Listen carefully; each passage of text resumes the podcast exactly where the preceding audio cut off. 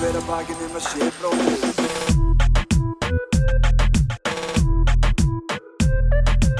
Bera hver að bakið nema sé bróðir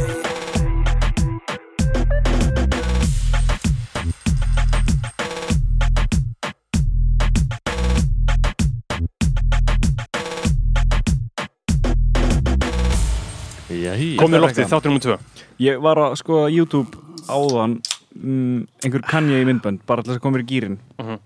og ég dætti hann svo gott komment sem ég tengdi svo mikið við. Hann segir hérna God damn, that Kanye is something. I swear he has earned the GOAT status no matter what. He's just ahead of everyone else. He has worked on about 20 albums and they are insane He did not only lift himself he, They are insane he did not only lift himself eins og eitthvað sem Íslandingur myndi skrifa He did not only lift himself, he also changed Jay-Z, Pusha T, Big Sean, Kid Cudi, Lil Wayne, Alicia Keys, Tiana Taylor, Drake, Kendrick Lamar, The Weeknd, Travis Scott. He is not only a rapper, he's a producer, writer, musician, designer, politician, fashion actor, philanthropist, director, historian, and above all, a decent human being. Ég veit nú ekki alveg með þetta Ég veit síðast I, I consider him to be above Disney, Mozart, Musk, and Jobs. Já. He's way up there with Gandhi, Einstein, and Tesla. He's our person of the 21st century. I said what I said. Það er alltaf ekkert betra en þegar menn eru svona eitthvað að velta fyrir sér Hann segir Hvor þetta er hérna. meiri maður, Musk eða Kanye Já, er ekki, sko, er ekki hérna, svífning að setja Musk inn í sama hópa Disney og félaga hann ég veit ekki, hann segir I said what I Elon said. Musk er þetta bara skemmur Hann hefur aldrei hann er- gert hann er- neitt sko. hérna, Hann finnur ekkert af þessu dótu Nei, hann tekur bara kredit sko. I really Hann hann er bullshit artist sko. I really hann er consider him to be the best there is, an absolute definition of change. Já, Og þú veist, það er ekkert, uh, there's no cap. Nei. Já, where's the lie? where's the lie Where's the lie? Já. Þú veist, að því að uh, á svona setjum tíum, setjum tíum þá byrja Kanye að bera sér saman við Disney, við Howard Já. Hughes Picasso Hann náttúrulega segist bara að vera eitthvað Steve Jobs. Já, Steve Jobs, og hann, hann, hann fær þetta svolítið á heilan og við erum akkurat í þessum öðrum þætti Alltaf eitthvað, Tim Eh. Cook er að ringi mig eitthvað, ég verða bara að þróa nýja síman fyrir Apple og þannig bara er þarna, Já. Og sko á þessum á þessu hérna tímambili þá eru sko sem við erum að fara inn hérna í öðrum þætti það er svona uh, leading up to graduation þá fer Kanye sem sagt á túr með U2 og Rolling Stones Einmitt, og mér finnst þetta svo, ég reyndi, ég kefti hérna, ég kefti mér sjónvarpindaginn sem er með innbyggðum DFD-spilar í og ég fór í hérna uh, Ok. Lucky Records og kefti mér DFD uh, spólu af hérna, DFD-disk af U2 turnum í Chicago Já. þegar að Kanye var að hita upp fyrir það sko. Mhm. Af hverju getur þið sjónvart með DFD-disk? Þetta er Bang Olufsen klassík sko, Bang Olufsen frá 2007 og það er bara geðveikt mm uh, en hérna Á snúningsfæti já, snúningsfæti okay. en hérna en ha, þú veist, kann ég uppbytunar dótið er ekki inn á uh, disknum en ég fór samt sérna að skoða Þannig þú varst U2-aður ég var YouTube en, en pælið samt, pælið samt í YouTube skiluru að að vera bara eitthvað, já, fáum bara kann ég hann var, hann var, hann, ég kíkti líka á Wikipedia sko, hann hefði þetta verið upp, þú veist, á tveimur tónleikum eða eitthvað, af sko þetta er, þetta er heldur söluhæsta tónleika sko Já. Uh, uh, já ok, hann, hann fór ekki með Nei, nei, nei, nei. Hann, hann, þetta er söluhæsta, tekjuhæsta sko, tónleikaferðalag í, Já. í sögunni sko, Já. YouTube er það stórir og mér Já. finnst bara smá crazy þá að pæli því að YouTube taki ungan artista sem heitir Kanye. West og lefi honum að hita upp fyrir sig skilur. Já, já, og það er- þeir voru örgulega bara, voru löngu búin að fatta þetta En ég meina skilur. samt Rolling Stones tóku Kalljó á túr sko er það málið Já, að já. er það, þú veist, 30 ára setna Þeir eru líka skilur. ekki með YouTube, heila, sko. YouTube var að, að píka, skilur hvað við þú veist, ég held að Bono og þessi görri, þú veist, ekki það að ég sé einhver mikil YouTube-maður eða neitt svoleiðis Ég er mikill YouTube-maður, ég veit bara, Já. ég, veit ekki hana já. en, en, en pældi, þeir föttuðu actually bara að Kanye væri Já. uh, something else Já, skilur, já. Ég er mikill YouTube-maður by nature sko. ég, Og þá fannst mér svo- ekki, Já, á já. ekki eitt annað sko. Já, og mér fannst líka svo gaman að sjá að A-Track var að DJ-a sem, Yes sem DJ fyrir Kanye hérna 2005-06 eitthvað já, og hann er ennþá bara super nettur í dag sko. sko ég held að Eitrak hafi DJ á að þrisvar Já, Já. A-Track náttúrulega sko, við ætlum ekki enn og aftur ekki að að eða mörgum orðum í eitthvað, eitthvað, hérna J.O. einhverja- elskar A-Track sko. J.O. bara Já. elskar A-Track bara Í- mest af öllum sko. Við ætlum ekki að fara að eða mörgum orðum í einhverja, hérna, non-recurring characters uh, en hann sem sagt, A-Track vinnur sko DJ-keppnina bara eitthvað svona, ég man ekki hvað hann heitir þetta bara eitthvað svona alþjóðli DJ-keppni, bara eitthvað svona scratch og turntablism, bara svona, þú veist, real DJing, eitthvað dæmi, skilur þegar hann er held ég 15 ára Mhm. skilur Já, og já. er bara, bara besti hann- hann er. DJ í Já. heimi skilur Mm. og einmitt hérna fyrir að túra með kanni tekur hann fyrstu þrjárbrunnar held ég Já. Alveg Við erum að fara hjóla í þetta núna En, í en, en Anna, hann, vill samt, hann var að koma fram um daginn bara og var eitthvað að segja að hann ætti einhvern heiður að einhverju super vinsalu lagi sko. Já, nei, sko, Nei, að Daft Punk er ekki, hann átti heiðurinn á nei, hann skratsjar í Good Life Eitrak, Já, ok. Hann skratsjar eða? þú veist, þú veist, hann skratsjar það. Er skrats í Good Life? Nei, sko, Já, ég held það. Já, nei, en, en ég held samt líka sko að ég, ég var að hlusta á eitthvað podcast um daginn þar sem að ég held að A-Track hafi verið að hlusta á Daft Punk. Mhm. og þannig hafi Kanye þú veist að- í. A-Track hafi s- s- Sýnt honum- sýnt Kanye Daft Punk og hann vissi ekkert hvað það var. Þetta voru bara einhverju fr franskir veist, dudes með einhverja hatta Já, skilurðu. einmitt. Kann, þú veist, og, hann vissi ekkert hvað það væri en A-Track var bara eitthvað, ei þetta er feitt. Og hann var bara eitthvað, ok, harder þú veist, bara tók bara strongir og bara kannski var það ekkert svo átá að vita þú veist, hvað Daft Punk var ára 2006 ég held nefnilega ekki sko, þetta Nei. var alveg bara eitthvað svona French indie Já. dæmi sko. það eru er komin að- aftur að Stronger sem Eitt- er á Graduation já. sem við erum að fara að ræða núna Eitt sem ég er að sjá hérna núna samt uh, er að Kanye og Eitrak gáfu út uh, mixtape árið 2006 þar sem að uh, Kanye er að velja lögin og er að hosta og hérna Eitrak er að, að DJ Já, kemur Þetta ekkert er óvart algjört deep cut, ég væri til að eiga þetta endalust á einhverju shiti sko. Já.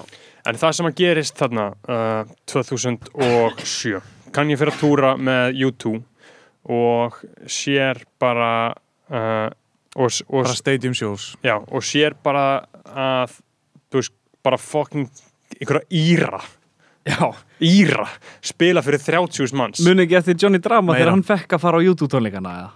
Nei, í. Entourage, Victory, eitthvað hérna Mm, man ekki eftir en bara þú veist, það er YouTube, þú veist, þeir voru Já. bara sold out shows bara Já. út um allan heim Og bara- Já, já, gaur, bara, þú veist, við erum að tala um þú sagði 30 manns örgulega meira, sko þú veist, er, ég man, miklu meira, mamma og sko. pappi fóru einhvern tímann á YouTube bara Rose Bowl í LA, skilur það eru cirka 80 til 100 manns, Já. held ég. Já, ég fór á einhverju YouTube tónleika í sko Horsens í, Í Danmörku, skilur það Já. sem voru 40 manns, sko já, einmitt, einmitt.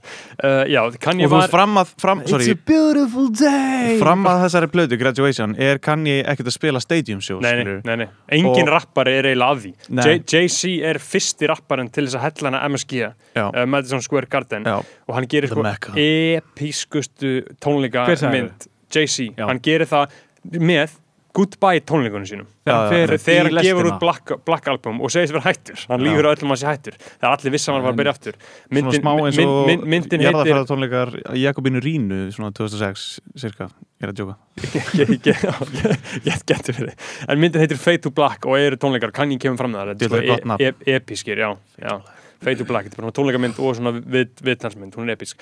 En kann ég er hann að túra með U2 og sér bara, ok svona virkar þetta í stóra heiminum rapp var aldrei á þessu leveli Nei. það er bara ekki, þú veist var samt ekki Up in Smoke Tour eitthvað það var huge sko Jú, svona það var stórt að- alveg en huge, ég held að hafa ekki alveg verið svona Nei, einhver YouTube það er ekki stöð, verið sko. Robbie Williams Það er náttúrulega bara Það verið- hlutir á þessu leveli.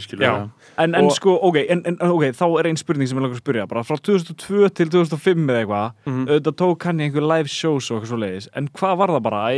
Bara eitthvað svona, bara eitthvað svona O2 ekki Arena, heldur bara eitthvað O2 í Já, Brixton Vantar sko. bara svona Nei, það, þarna voru meira þess að festival ekki til tíu Það var einhver festival er bara ný pæling sko. Já. ég, sá á, ég sá einmitt á TikTok núna og gaur sem kefti sér original college dropout merch eða eitthvað, eitthvað ból bara, þú veist, ég veit ekki hvort það hafi verið þegar hann var að túra, en þú veist, þá er þetta allavega pínulítið túr, bara eitthvað tíu tónleikar eða eitthvað, sko. Já. og hann kefti sér bara eitthvað brúnan t-shirt með hérna bánsanum á, Mhm. Á yfir þúsund dollara skilur þú veist, út af því að þetta hefur örugglega verið bara, það hefur örugglega farið svo lítið fyrir þessu sem eitthvað svona tónleika, eitthvað svona live dæmi, skilur já. þú veist, en á þessu tíma það, bara það að gera- snýrist ekkert um það skilur, hann var ekkert eitthvað hann var ekki Það Þú varst líka á þessum tíma er landslæði tónlist þannig að þú ert að fá peningana eða þú veist það er svo sem kannski ennþá þannig í bandreikinum en þú ert, þú ert að fá peningana gennum selja eins mikið og þú veist, hann seldi líka triple platinum á college sko. En, en þarna uh, Graduation kemur út 9-11 11. september árið 2007 og þarna er Kanye orðin bara fucking huge hann gefur út singlana, singlanir eru Stronger, uh, Can't Tell Me Nothing og uh, Flashing Lights held ég setni eftir að platna gefur út ekki myndbandi eftir það Good Life náttúrulega líka Já, Good Kemur Life náttúrulega líka, það. einmitt, Hvað einmitt. finnst ykkur um Can't Tell Me Nothing? Geðveikt Mér lag. finnst það vera besta Kanye lag uh, Mér finnst Það eða veldi í því sko Mér finnst Can't Tell Me Nothing eða See You In My Nightmares vera bestu Kanye lögin Okay. Það eru lögin sem ég bara svona sem að ég hlusta á örglega eins og dag Þetta er svona- þetta þetta er svona lög sem geta bjarga deginum hans skilurðu. Ég man geðveikt vel eftir því að hafa heyrt það lag einhvern tímann í bíó Hangover Mhm. Hangover. Nei, nei, nei, bara, þú veist, áður en myndin byrjaði sko. Já, Já, já, já, sko. bara Já. á meðan að það var eitthvað aukakrónu auðlýsing skilur Já. já Can't Tell Me Nothing, mér finnst það vera besta Kanye lagi sko. Það er ekkert eðlilega Ja, gott sko. Mér finnst það bara, mjög hlutlust lag sko. En, mér, finnst það mjög gott lagi, lagi, En eins og þú veist, af því talandi um graduation þá er Stronger lag sem ég get ennþá það ég, lí- ég, ég, á hverjum degi er ég líklegur til þess að spila lagið í símanum mínum og vera bara í rektinni eins og loser og bara hlusta. Stronger og líða vel út af því skilurðu. og það er bara eitthvað sem hefur ekki mist áhrif sín sko. En eins og þarna samt, þú veist, með graduation hann er ennþá að vinna með hann bánsa Já. sem hann er búin að vera með á Af því að þetta er, svona, þetta er bara allt annað sound Allt, allt, allt, allt annað sound En þetta er náttúrulega hlutur það sem við glemdum, ég glemd að nefna á Þetta er trilogy, já. Já, nei, þetta er, þetta á að vera fjórleikur. Þetta er fjórleikur hjá hann Þetta er College Dropout Late Registration Mhm. Graduation og síðan átti alltaf að koma Good Ass Job. Já, good ass job maður. Alveg Good ass job. Sem að síðan að Chance ætlaði að gera. Já, Good Ass Job átti að vera loka parturinn í þessum fjórleik Já, um svo- lífið hjá Svo Kanye. kom daldið Hann upp á hann á MTV Awards. Já, en síðan sem betur fyrr já, síðan, var, ángríns, síðan, maður. síðan var það bara ekki viðjandi og My Beautiful Dark Twisted Fantasy kom í staðinn sko. Ah, Hún er góð. Og þú veist, og kæmi mér ekkert óvart ef Kanye myndi gefa Good Ass Job út einhvern tíma setna Nei, það gerist aldrei, það gerist aldrei. Gaurinn lofaði ekki, ekki núna ekki Hann mun verið aldrei þess að gefa hann út- er komin allt og lágt Hann mun aldrei gefa sko. út Jesus heldur. Nei, hérna Jesus 2 En Nei, hérna, Jandi.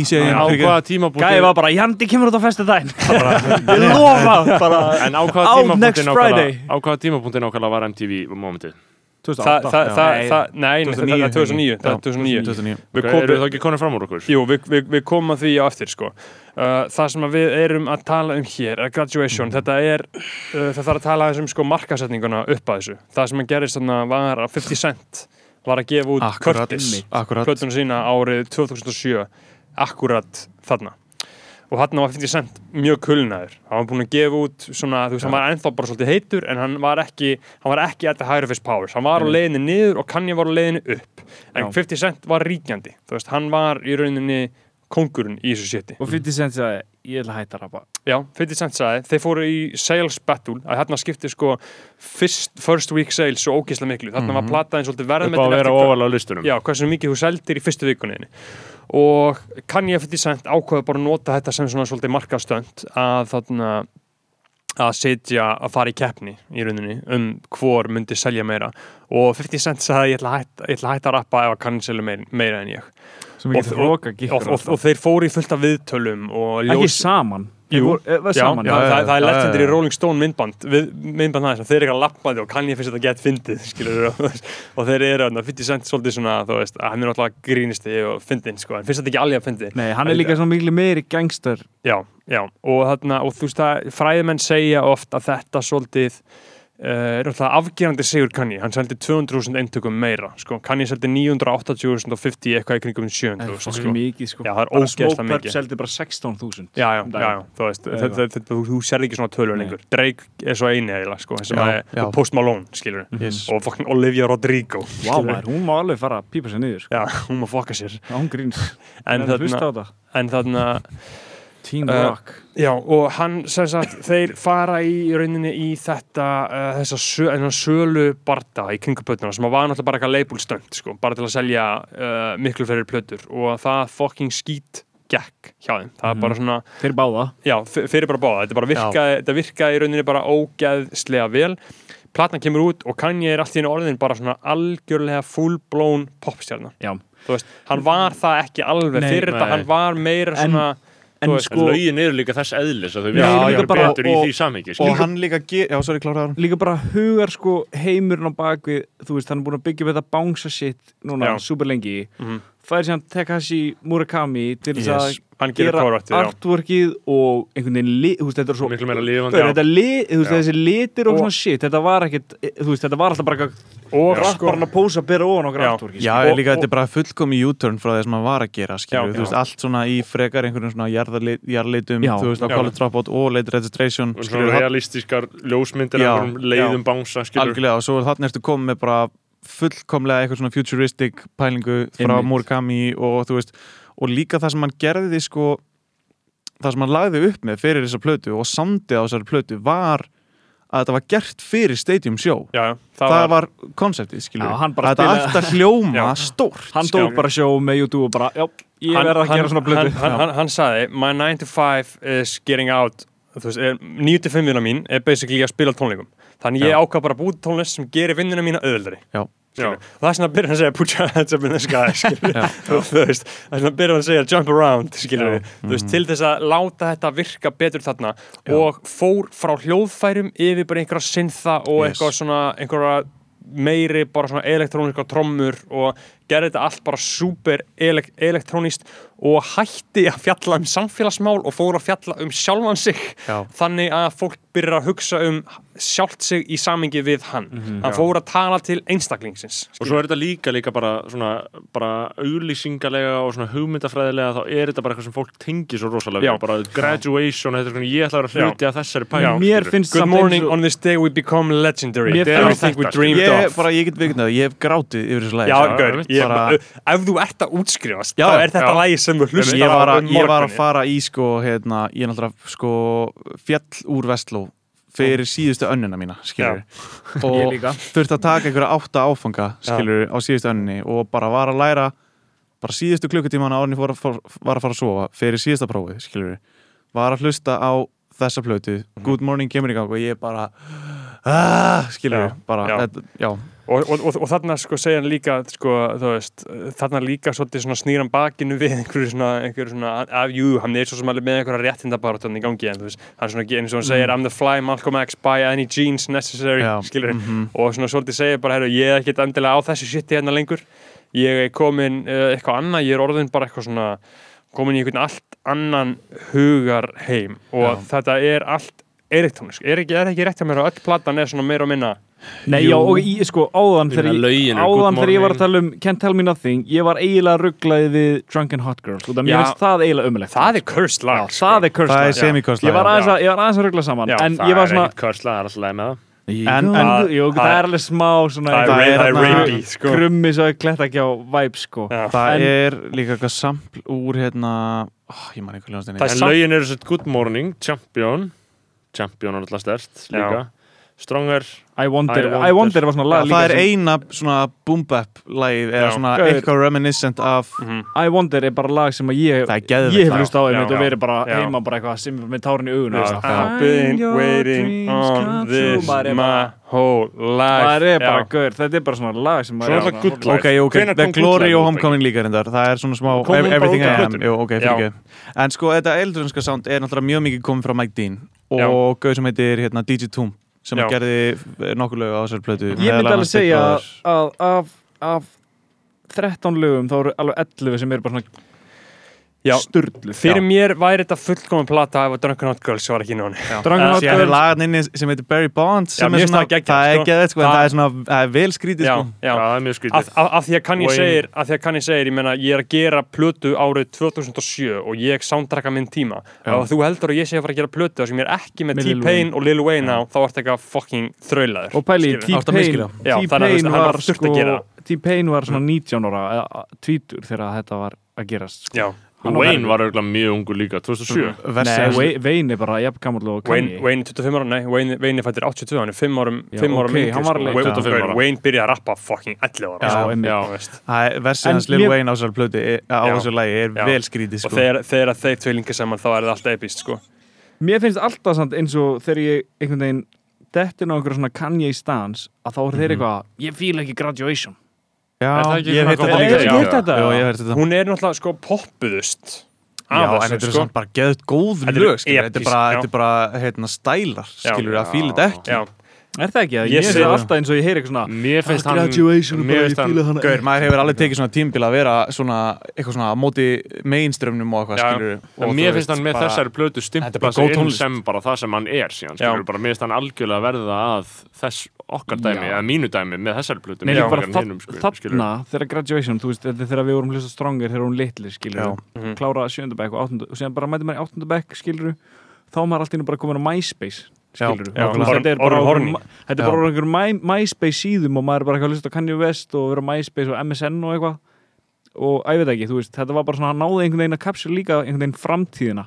Mhm. að vera komin á okkur samfélagsmiðla. Já, já. En mér finnst líka, Já. ég hef tengt sko, þú veist, eins og tæknibildingarnar maður tengir það smá við líka Kanye West, eins og bara iPodin og bara þessar Mér líður eins og að- kann ég sé einhvern veginn bara aldrei langt undan þegar maður hugsa um þetta og bara Nei. graduation áferðin á svona einhverjum iPod finnst kom það og of þetta- einmitt bara eins og hérna fucking línan í uh, í hvað lag er það? Á Jesus þegar hann talar um hérna and you turn your Blackberry off. Já. Já, em- veist, And you turn your bathwater já, on. Já, já, já, já, Já, Mhm. En býtu, er, kemur The Life of Pablo út 2016 já, 2016 Sko, 2016 Februar. var, var eiginlega bara pre-Spotify Já, Þetta er- er bara í alveg árdaga þess á Hún var Íslandi. Torrented. exclusive. Já, hún var, einmitt, þetta var bara pre-Spotify og þú veist, maður útskriður á mentaskóla þarna en samt, á þetta er sam- samt svo fyndið út af því að maður er actually uh, þú veist, og krakkar mun aldrei skilja þetta nútildags maður fór og downloadaði plötu Já, og hlustaði bara á hana Bro, þú veist, Já. ég var með graduation og eitt og eitt sarpleik bara á iPod mínum og hlusta, hlusta á þetta í íþjóttahúsin í Hagaskóla Já, Ég var bara minningar að hlusta á þetta bara þar Já. bara champion, ég, ég, alltaf ég, hlusta á bara það. segja líka bara, þú veist, eins og þegar Jesus kom út og maður var bara hérna í öðru orði hérna í Vestló Mhm. maður bara, þetta voru tíu lög, maður bara læðist á rúmið sitt bara með einhverju hirtnatól og hlustaði bara á þetta Mhm. og gerði, maður gerði ekki neitt annað hvað átti maður að vera að gera annað Já. Skilur, maður er ekki keir, maður er bara ít að play og var bara að hlusta. Og maður bara, hvað er kann ég að gera núna? Síðan hlustaði maður aftur og maður bara, hvað þetta geði síðan hlustaði Já. bara aftur og maður hlustaði kannski bara fjóru sem í röð. Já, þetta er allt öðru vísi, skiljið af þetta var bara, þú veist, þetta var svo mikil ritual bara, ok, Já, þá, já. þetta er eins og þeirra þetta er eins og þeirra þættir voru meiri línulegri dagskrá og maður svona downloadaði þeim og horfði á þá. Maður kunni miklu meira að meta þá, skiljum Já. hvað við í stæðan fyrir að geta bingja tíu þættir í röð og bara eitthvað, ít á pásu alltaf og bla bla bla, skiljum núna er þetta bara, þú veist þarna var þetta svo geðveikt bara, Já. þú veist, anticipated og ekkert Spotify. Já. Ég ger þetta samt ennþá með Kanye. Þetta er eiginlega bara, Kanye og Drake eru einu sem ég ger þetta ennþá með bara ég bara niður. tek frá tíma, Já, ég geri ekkert annað en að hlusta á þessa einu plötu. Ég slekk á símanum og gerir bara fer, úst, er bara út af fyrir mig, skilur Mhm.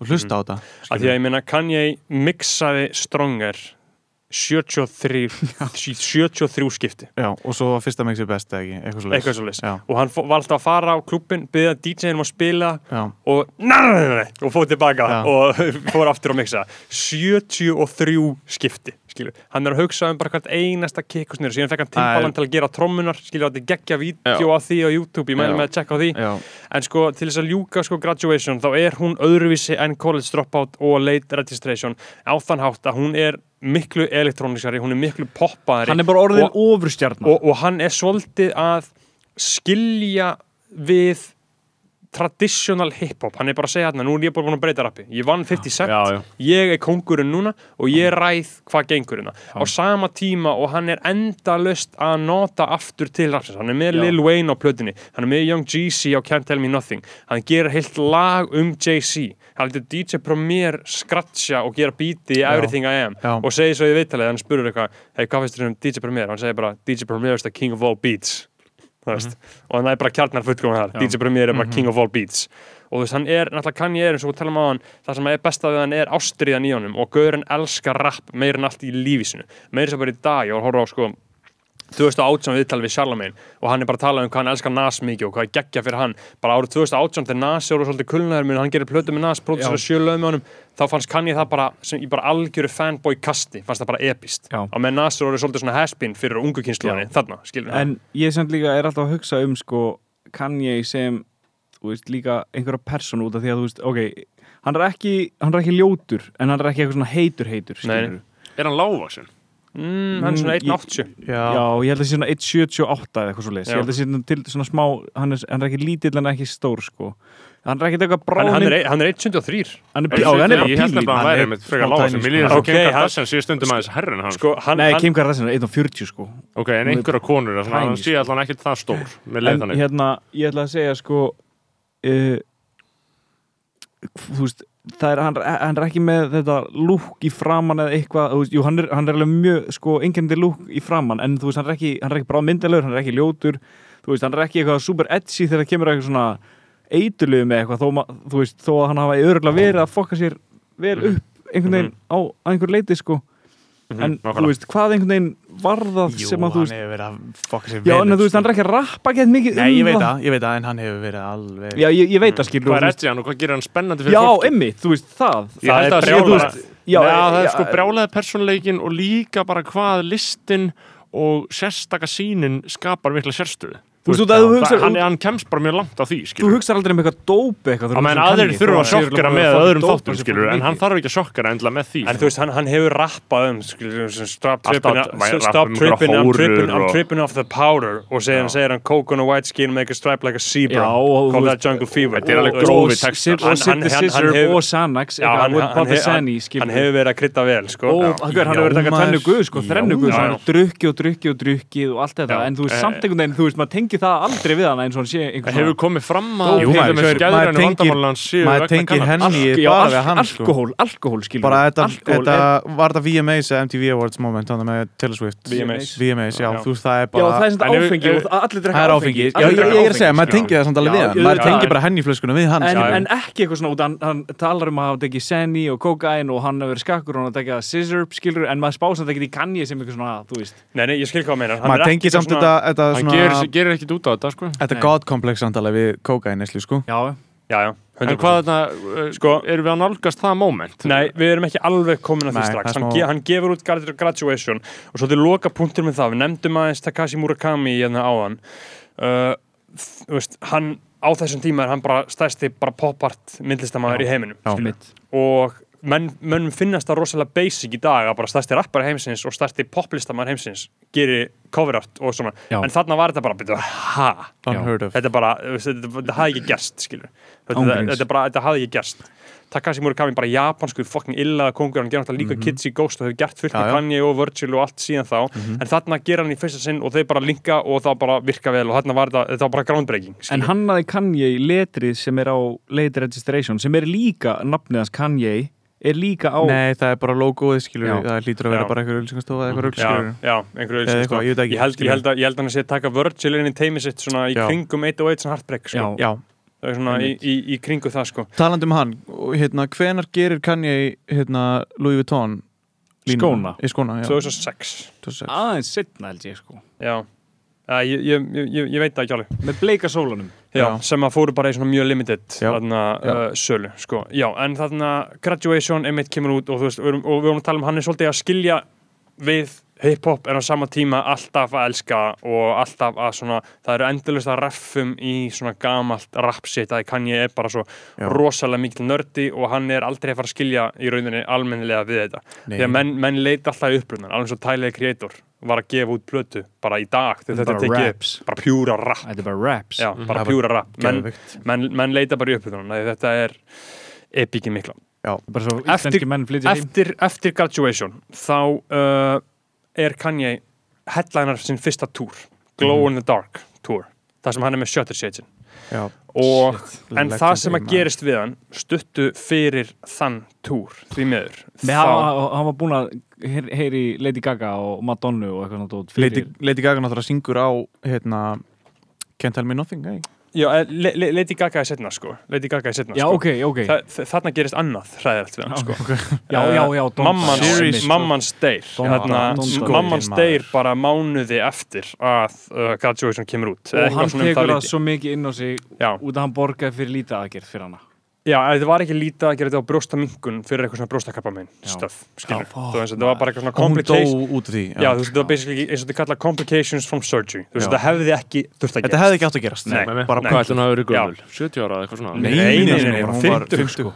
Eða svona 50-60, eitthvað þar á milli skilur Já. Já, og bara, Já. þú veist og hann tók þetta svo mikið inn á sig Já, en hann náttúrulega bældi það fullkomlega og fór á túrin og byrjaði svolítið að spesa út áður en hann fór á túrin fór hann Já. og spilaði lagið Hey Mama Já. á Grammys Já, bara nokkrum vikum eftir að þetta Já, gerist það er fucking og ég hef ógeðslegt. grátið Já, sko já, já. countless times Ég mæli með að yfir menn- þessi performance að menn sko. ít á Bara pásu og, guð minn og, og, og, góður, og sko. tjekkja því eftir, að- eftir að hún er dáin sko. Það- maður er lít lýsir sko það Já. er pú, Já. sko Já, þá er þetta og tveimur mánum eftir það þá hættir uh, Amber Rose. unnustan Nei, já, sem er aldrei nefnd á- Al Alexis Pfeiffer, Já, Pfeiffer já. heitir hún, er farið í viðtöl svolítið núna, Já, já, hún er nýbyrjuð á því. Það er loksins mjög einmitt. gaman. Hún var bara algjörlega off the record engin vissin eitt um hana og það var bara í fyrra sem hún fór í fyrsta viðtal sitt. meira að segja, En í Dissect svona- en var aldrei haus- talað um hana. Já, hausarnir samt svona, maður var alveg, sko, erum við búin að tala eitthvað um það?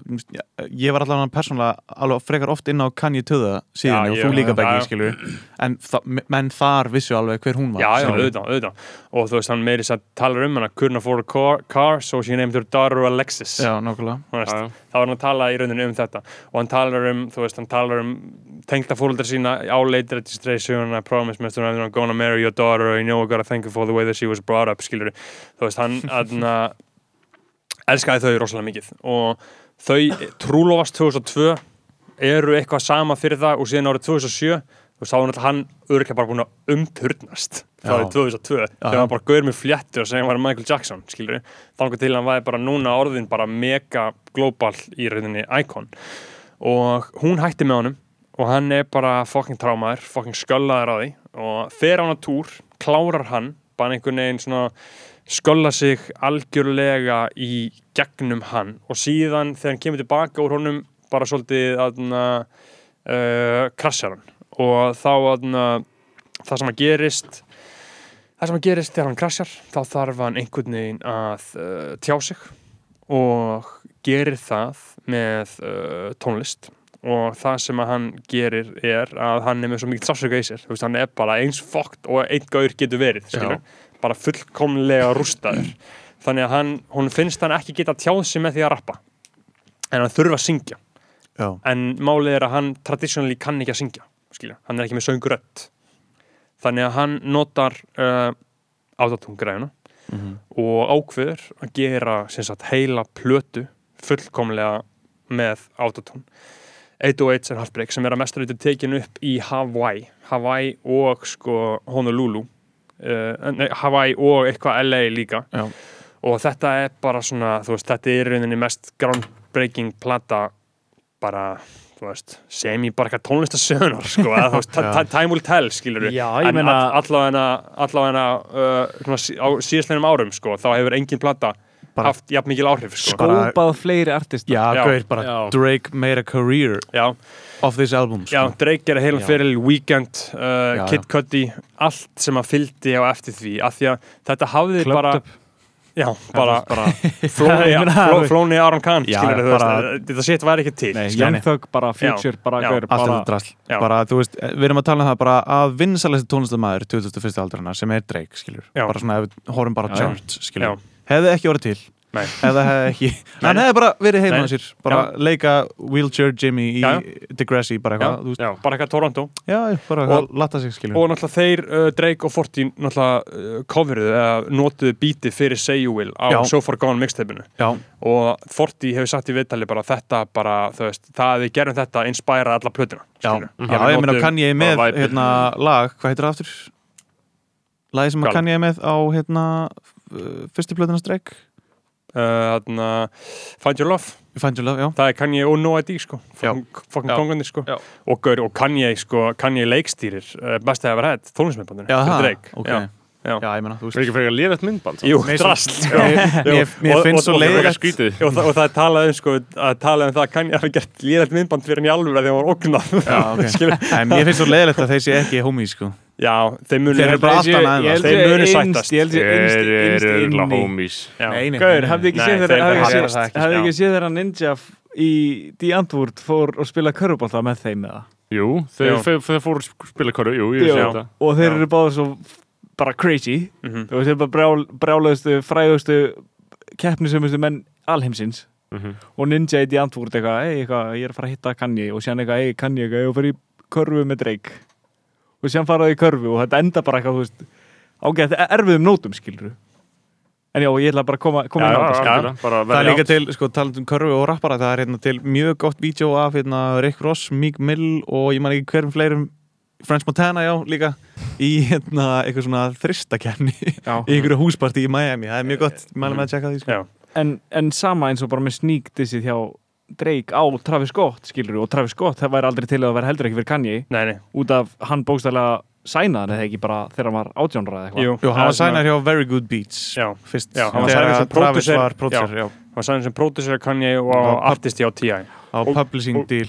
Beggi er náttúrulega fyrstur til að hlusta á Travis Scott á Íslandi. Ég veit það, ég var fyrstur á, á Íslandi til að Travis Scott og Joey Badass Bókstallega, Já. ég er bara, ég er með vísindilega Hvað var fyrsta lagi sem hlusta á. Travis Scott? Uh, mér minnir það var ekki Lovesick heldur var það eitt lag á undan því Já, ok. Sem ég man ekki alveg hvað heitir. Já, og Ég- síndi já. En þú sýndi með Joey Badass bara þegar Ég- við vorum já. sko bara mjög ung Já, ég er bara, ég, ég er fyrstur á Íslandi til, ég, var- ég var að hlusta Hver á að hafa verið Badass. fyrstur hlu- Íslandi til að hlusta á Kanye West? Það er eitthvað Robby Kronik. Já, það er erfitt að segja til það sko. En þarna Já, við, Ég var var til að spurning. þann mann Já, ég væri til að hitta hann mann, sko. En við erum að tala um það að Kanye er þarna og, Weekend, þannig tölum um svona áhrifin sem þetta hefur haft Weekend hefur líka sett bara viðtalið bara, þú veist, það væri ekki, ég væri ekki til, það væri ekki fyrir þessa plötu. Það væri svo ógeðslega mikið, af því að það sem að maður þarf að aðeins að átta sig á eru fokkin kjarkurinn Já. og þórið í að gera þessa. Mér Þú finnst þarft að vera sko, fokkin já. þraulaður. Þú ert bara stærsti rappari í heiminum, Sko, Þú ert já. bara hjút og ákveður bara að taka stærstu uppeyju tónlistarsögunar. Taka bara autotune Bara autotune hefur ekki verið notað í ég meina, 20 ár Jay-Z gaf út lag sem heitir Death of Autotune Já. Var það fyrir eða eftir Það var eftir. Það var eftir þessa Já, plötu, það var eftir. Já, það var En eftir. T-Pain var alveg með tjúnið Já, T-Pain var með túnin. T-Pain byrjaði með til. 2005 en fyndið að Kanye hefur satt í viðtali fyrir það, sko. Kanye, sko, hann notar autotune þrísvar á College Dropout.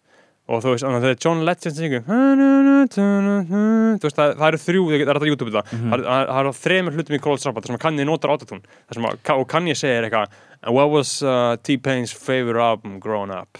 Já. College Dropout En sko, við þurfum að átt okkur á einu samt svona bara í tæknilegu samingi að autotune, græjan sem slík er hérna þetta er bara eitthvað svona dæmi sem var alltaf til í öllum stúdíóum uh, og var notað bara á öll lög meira þess að áður en að Celine Dion, nei, Cher Cher. Cher gefur Já. út hérna Believe, skilur sem er eitthvað 98 eða eitthvað held ég Mhm. þetta er græja sem er til fyrir það Já, og er notuð á öllum lögum já En aldrei svona Í miklum aldrei, það er bara, er bara takki eða knob á ennsku, það er ekki til íslenskt orð yfir þetta, núður, hafa menn Mhm. kallað þetta allavega og þú getur bara sett hann, bara stilt hann á bara eitthvað svona frekar soft stillingu, þannig að þetta bara hérna Það er allt tjúnað núna Já, bara tjúni Já. röddina þína, bara, þú veist, þetta lagar þær nótur sem fara Já. smá af, þú þarft ennþá Já. að vera frekar góð söngvari, skilur Já. Þetta var til í stúdíuminu Íslandi og var kallað sko Birgitta, þetta sé græja, sko Eftir Birgit Haugdal Já, Já.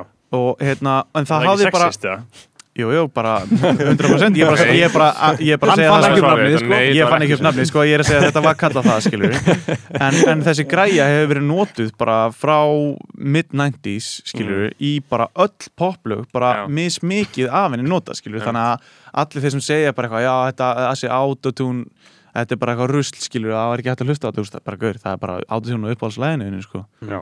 En, en þarna er, þú veist einmitt uh, menn höfðu aldrei notað þetta í svona miklu mæli á uh, þessari ekstrím stillingu skilur Nei. bara í, 100% í þessum gangster rap heimi. Já. Já, nákvæmlega. en, en, en T-Pain var náttúrulega originatorinn í Já. Hann var, þú veist, hann gaf út plötuna árið 2005 Rapper Turned Sanger. Rapper turn hann, sang hann var líka að byrja að monetize þetta þá sko, hann var bara að byrja að gefa út einhverjum svona mikrofóna með sko, já, hann var að byrja að gera einhver plug eins og svo gerði hann eitthvað fokkin sko. app hann Já, með já, ég til því. Þú veist, hann var bara svona, hann var alveg early on bara eitthvað, ég, ég er ég er autotune gateinn, bara ég er autotune ég fann upp autotune Já. sem, sem að hann, er, sko. svona, þú veist, hann, hann, hann, hann setti það í þann búning sem við þekkjum í dag. Algjörlega. Og Kanye fekk hann, þú veist, náttúrulega fyrsta life Kanye fekk hann þegar að syngja á Good Life, að hann elskaði það. Og síðan þegar Kanye var að byrja undirbúa upptökur fyrir 808 Heartbreak þá fekk hann T-Pain í stúdíóið og let hann kenna sér á. Og Já, síðan niður að hann og sagði hann um að fokka sér. Og, og síðan fór hann að taka kredit fyrir að hafa Já. látið Já, hann fyrir sko- hann- en, en bara Wayne var farin að nota það líka þú veist, á já, sögum tíma. Já, hann algjör- niður að hann og bara sagði fuck you sko. hann svífur þann. Smá, hann, hann hann, svífur sko. hann, hann náttúrulega T-Pain er búin að vera svo episkur upp á síkasti að við ekki alla, svona, ofinber alla svífningarna gagvart sér, af því Já, hann hefur verið svíft þessu fokki mikið, sko. hann Hann er geggjar á hann TikTok og Twitter sko. hann er bara, en- sem tónlistamæður þá er, Hann er þeir sem þekkja mig Sko, þeir vita líka að T-Pain hefur get, getur ítt á tek- tekið stöttapásu, bara einu sek Herri, á, ok, við erum komin aftur þrölin er fæðin Snorri Mace has left the building. Snorri. Ma. Já, ok. það má alveg samt að segja það. kortir yfir tíu á Já, já, sko, og fyrst í samkomu afléttingum Já, sko. og við erum sveittir að fara í útgáfapartí Árun Kans En Gaur, ég er ekki grunast, ég gæti sennilega sittið hérna í svona 6 til 10 klukkutíma viðbót og bara, við ættum eiginlega bara að búa til saumaklúb þar sem er talað um um Kanye og Drake byrjum með podcast. Gaur, jó, jó. Bara þrýr gaurar podcast um Kanye. Við gætum samt sko í alvegni stopnað svona bókaklúb nefnum bara lagaklúb með Já. bara lögum eftir Kanye West Já. sko. Já, já, það væri ekkert mál. Tekið fyrir eitt lag í mánu bara út Já. æfina sko. Já, það væri mjög easy sko. En við erum að tala um það að uh, við erum komin hérna. T-Pain kom að kendi Kanye á uh, kom að kendi honum á átþungvélina og þú veist, á Birgitu. Já, á Birgitu og hérna Og Kanye vissi alveg hvað hann var að Já, gera sko. hann vissi alveg hvað hann að gera En þú veist, þarna er Kanye bara fullkomlega brotin Skilur Þetta var bara svo að Arnar kennir einhverjum, einhverjum gúna DJ og hann stelur sér hann DJ gegum af Arnar og, og, og gúnin veit alveg hvað hann er að gera Já. sko. no comment sko það, Þetta er bara svolítið þannig Og þú veist, meir hluti lagana Máli er, þessi plata Hún er tekin upp á þrejum vikum Já. Ég er svo hæp, ég er staðin upp sko Já. þú veist, ég er bara ótrúlegt Pæli í því, þessi plata er tekin upp á þremur vikum Það, Ég á hann á svona special Graduation, er hún tekin upp á þrejum vikum? Nei, 808. 808, já, já, já, Ég- já, já, já, já. graduation er alveg tvö En- ár bara. já. sorry En, en byrju, hvað, þú veist, hvað er vita frá því, hvað langt síðan að þú veist, og Donda deyr, síðan Já. hættir hann með hérna Já, frúnni, og síðan er svona hálft ár, nýju mánuður þannig að platan kemur út Já, Já, þú veist einmitt. en, en, Pælið í rugglinu samt að missa bara kona hennar og með miðina bara á sama bretti já, já, og þú veist, og, þú, og, og sérstaklega þú ert karlmaður alfa karlmaður. Bældur kallmaður Já, þú veist, málið ég, ég hef alltaf haldið því fram sko, að konur jafna sér fyrir eitthvað auðvöldilega ástasorg. Karlar, they don't do. Nei. Það er bara scientific fact. Já, Nei, líka bara mamma, þú veist, hvernig ætlar að væli er svo- þú getur ekki svona vælt í mömmu þína? Þetta er svo- er Þú ert bara einn með fokkin autotune-græna sem þú varst að læra af frá T-Pain sko. Nei, líka, þetta er bara svo primal dæmi, skilur bara þú missir mömmuina Já. manneskina sem kom þér inn í henni heim, skilur og kendir allt sem hún kann. Og kiftið fyrsta samplin Já, bara- þetta er bara þess vegna er þetta svo tragist að tragist að horfa á þetta held performance þarna á Mhm. Grammys það sem hann hérna breytir læginu og segir Last night I saw you in my dreams now I can't wait to go to sleep. Já, og getur ekki sungið í lægi já. fyrir sitt litla líf og krýpur á sviðinu einhvern veginn. Hann var líka eiginlega bara svona smá frá því þarna hann hefur sagt það líka áður að hann var að fara að drepa sig sko. Já, einmitt. hann ætlaði að drepa sig sko. Einmitt, og hann er bara að díla rosalega illa við uh, fræðina og er sem sagt í raunin að díla við alveg þetta sama fráfatt mömmu sinnar alveg, þú veist, þú sérstaklega náttúrulega fallegast í læginu Only One, sko, sem hann Já. syngur í rauninni, sko, sem hann gerir með Paul McCartney sem kemur út áramótin 2014 gerir hann það með Paul McCartney? Já, Only One? já, Já, ok. já.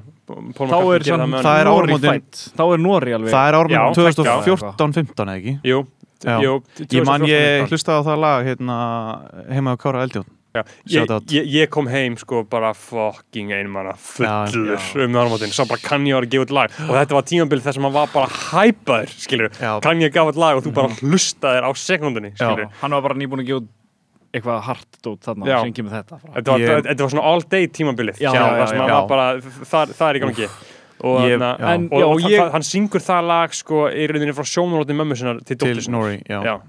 Tell Nori about me en það líka, þú veist, eins og allur, allur myndheimurinn þarna í, í, á baka þetta, þarna er hann sko með, þú veist, hjarta sem að kos hendurnar Já. eru að draga sundur Já, já. og ég á hérna vínil plötuna á þessu, Mhm. sem svona triple cover eitthvað svona dæmi sko Já. og þar inni er sko plaggat af honum og Dondu Já. já, sem að ég á bara eitthvað heima skilur, ég á bara eftir að Mhm. setja í ramma sko og hinum einn við er það bara hann þú veist, með öllum þessu kos hjörtum sko Mhm.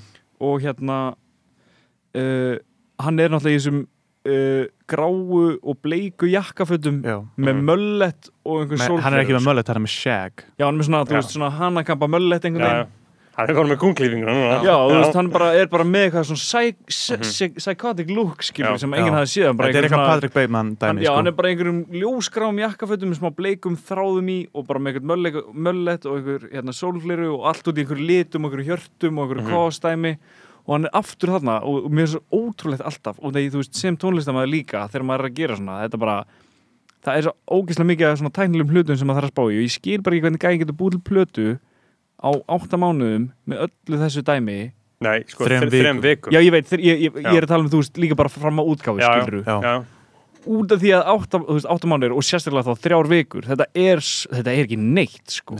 Gaur, maður sem bara tekur upp demo og hlustar á tveimur ára setna sko, já, þú veist. einmitt.